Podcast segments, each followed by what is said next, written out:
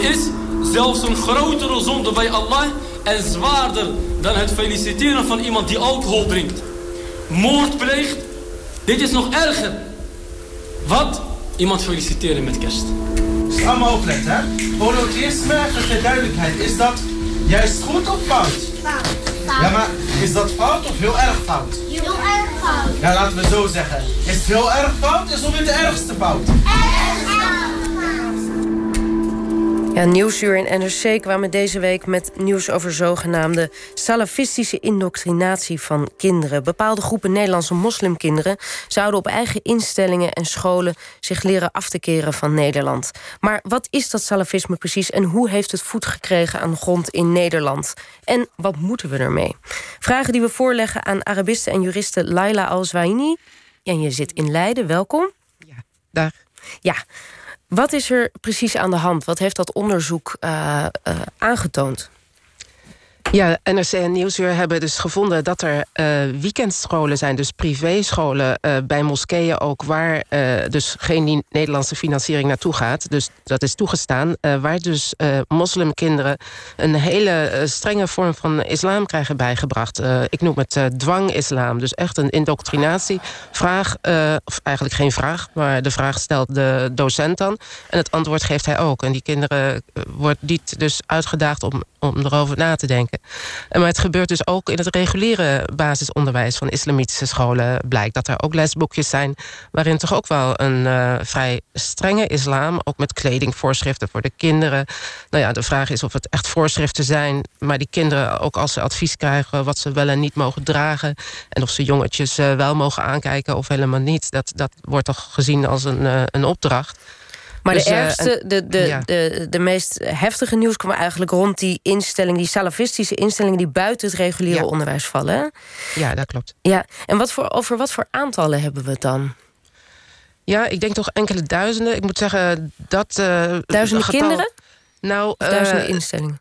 Nee, niet duizenden instellingen. Maar het kan zijn dat er best duizenden kinderen op zitten. Uh, ik moet zeggen dat ik die getallen niet helemaal uh, paraat heb. Maar het zegt niet zoveel alleen wat er op die scholen gebeurt. Er is namelijk natuurlijk ook een hele hoop op sociale media, op internet. Dus die -hmm. aantallen kunnen best veel groter zijn. Ja. Um, en het wordt natuurlijk ook uh, ja, thuis dan over gepraat. En in de moskee daarna zou het kunnen dat er in salafistische predikers ook zijn. Dus het, ik denk dat er best wel veel kinderen en ook jongeren en ja, ook de ouders die natuurlijk de kinderen uh, daarheen laten gaan, of die weten of niet wat daar gebeurt, ja, dat heb ik eigenlijk nog niet gehoord ja. deze reportages. Maar er komen, ja, er komen kinderen mee in aanraking in ieder geval, Zeker. Op, op wat voor manier dan ook. Zeker. En dat begrip salafisme, wat is dat precies? Waar hebben we het dan over? Ja, dat is uh, een beetje een containerbegrip, maar het woord salaf, uh, dat in het woord zit, betekent letterlijk voorvaderen. En dan gaat het over de eerste drie generaties van de islam. Dus de metgezellen van de profeet Mohammed in de zevende eeuw en de eerste twee generaties daarna. Dus degene, de moslims die deze salaf, deze voorvaderen volgen... Zij zeggen echt dat is de periode van de ideale islam. Dus als we maar precies doen wat zij deden... En hoe weten we dat? Nou ja, dan lezen we de Koran en de, de tradities uh, van de profeet, de hadith heet dat, en de handelingen van deze eerste drie uh, generaties. Dus heel erg tekstgericht ook, want ja, niemand uh, heeft ze ooit levend meegemaakt natuurlijk. Hmm. Dus ze kijken alleen maar naar de tekst en ze, ze banden helemaal de context dan uit. Althans, hmm. ze nemen de context van de zevende eeuw en transformeren dat hier in de 21ste eeuw. Dus ik wil ook zeggen, het is een 20ste eeuwse politieke stroming eigenlijk. Het is uh, niet echt een theologische stroming, al komen ze wel voort, natuurlijk zeker uit de islam. Maar ze hebben vooral uh, een politieke agenda, de Salafis, waar we het over hebben nu. En verwerpen ze ook de democratische rechtsstaat? Is dat ook uh, een van de problemen? Nou, ik zei al, het is een beetje een containerbegrip. Uh, dus er zitten ook uh, Salafis, dat zijn gewoon hele orthodoxe, zeg maar, zwarte kousen moslims, zou je kunnen zeggen. Die zijn gewoon helemaal zelf bezig uh, om ja, hun eigen leven zo in te richten en bemoeien zich niet met de anderen en ook niet met de politiek.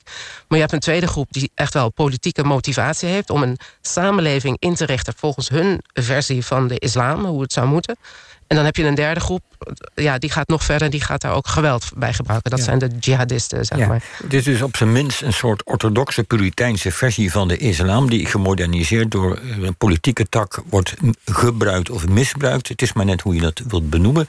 En als ik het goed begrijp, is dit. Wij ervaren dat nu in Nederland, maar het, het speelt al langer. Het is niet alleen een Nederlands fenomeen. Nee, zeker niet. En het speelt ook al heel veel langer. Daarom ben ik niet heel verrast dat dit nu naar boven komt. Maar wel dat we nog steeds geen antwoord erop hebben. Maar het, uh, ik, ik zou zelf zeggen, uh, wij hebben zelf uh, als Westen en vooral Amerika de, het salafisme, het jihadisme eigenlijk ge, gesteund in de strijd tegen het communisme destijds. Toen in de strijd van de Mujahideen uit Afghanistan tegen de Sovjet-Unie. Dat waren ook jihadisten, salafisten dus, waar Osama Bin Laden ook aanwezig was. Dus zo lang speelt het al. Ik weet niet of, uh, dit is toch een geschiedenisprogramma... dus in 1991 in Algerije, dat weten we vast nog... toen kwamen de salafisten door verkiezingen aan de macht. Ze waren gekozen. Maar daar was de overheid en ook Frankrijk het niet mee eens. Dus die hebben ingegrepen. Toen is er dus jarenlange burgeroorlog geweest in, uh, in Algerije... die dus vreselijk was. Dus, dus dat is, de geschiedenis komt steeds terug. En het is vooral eigenlijk opgekomen in Saoedi-Arabië als reactie ook op de Iraanse uh, islamitische revolutie in 1979. Omdat Saoedi-Arabië bang was van ook zo'n revolutie in eigen land. Die ook trouwens plaatsvond, uh, ook in 1979 in de moskee van Mekka was er inderdaad ook zo'n opstand. Dus toen hebben ze besloten, het koningshuis van de Saoed... om een nog strengere islam in te voeren dan daarvoor was. En dat werd het salafisme. Ja, en die dus... hebben ze dus ja, via de, de oliedollars, het, het olieinkomsten over de hele islamitische wereld zijn ze dat aan het verspreiden. Omdat zij hun hegemonie in de wereld, in de islamitische wereld willen uh, sterker maken. Ja, dus het is ook een soort piketpaaltje slaan tegenover uh, Iran... en dan tegelijkertijd ja. je eigen positie in de wereld versterken. Want ik geloof dat jij ja. ook op reis als, als Arabiste... echt ook salafisme bent tegengekomen. Hoe, hoe, hoe, het werkt, al die geldstromen. Kun je daar wat een voorbeeld van noemen? Jazeker. Ik uh, heb mij uh, inmiddels al twintig jaar bezig gehouden met de uh, opbouw van rechtsstaten in Arabisch-islamitische landen als Jemen bijvoorbeeld. en daar was ik in 2005. Um, met de zoveelste als consultant. Het ging over een project om vrouwen te helpen met hun rechten, vrouwenpositie. En toen kwamen die vrouwen naar mij toe in de pauze en zeiden ze: Leila, um, dit helpt allemaal niet. Jullie westerse landen zijn altijd maar bezig om jullie rechten en mensenrechten en vrouwenrechten en rechtsstaat ideeën in jullie woorden te bevorderen. Maar jullie zitten alleen maar in de grote steden ook. Maar de meeste mensen wonen op het platteland. 70, 80 procent eh, van ons woont op het platteland. Ze spreekt ook niet jullie taal, sowieso niet Engels, maar ook niet die, die mensenrechtentaal met jullie termen. Dus wat gebeurt er? Saudi-Arabië komt dan via de achterdeur binnen naar die 70, 80 procent van ons. Via de moskeeën en zo. En die zeggen van, uh, uh, wij hebben ook trainingen, zeg maar, in de positie van de vrouw. En wij geven bovendien geld toe. jullie krijgen eten van ons. Het is een heel arme bevolking daar ook. En dan zie je dus dat wat wij doen een druppeltje op een gloeiende plaat is. En dat Saudi-Arabië precies weet waar de moslims zitten en welke taal zij spreken. En ja, ze geven geld erbij. En dan uh, ben je dus, uh, zijn wij ons idee van de rechtsstaat en democratie dus echt wel ja, dan, dan winnen wij het niet daarvan. Die, die, concurrentie met dat verhaal kun je eigenlijk op die plek op dat moment niet aan, als ik het goed begrijp.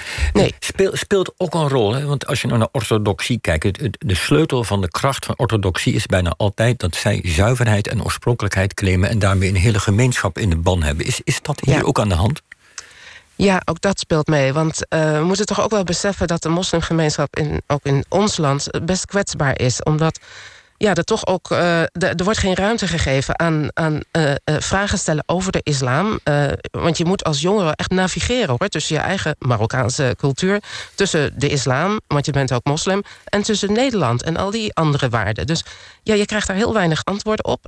Nederland moet ik zeggen, als land hebben wij ook geen antwoord op. Je hoort juist steeds vaker stemmen van islam hoort niet bij Nederland. En we willen het niet en doe het maar achter je voordeur. Nou ja, dan gebeurt dat dus. Dan gebeurt het dus achter de voordeur. Dan hebben we er geen zicht op. En dan springt daar zo'n uh, ja, hele pure uh, indoctrinatie binnen van je kunt alleen maar een goede moslim zijn als je A, B, C, D doet.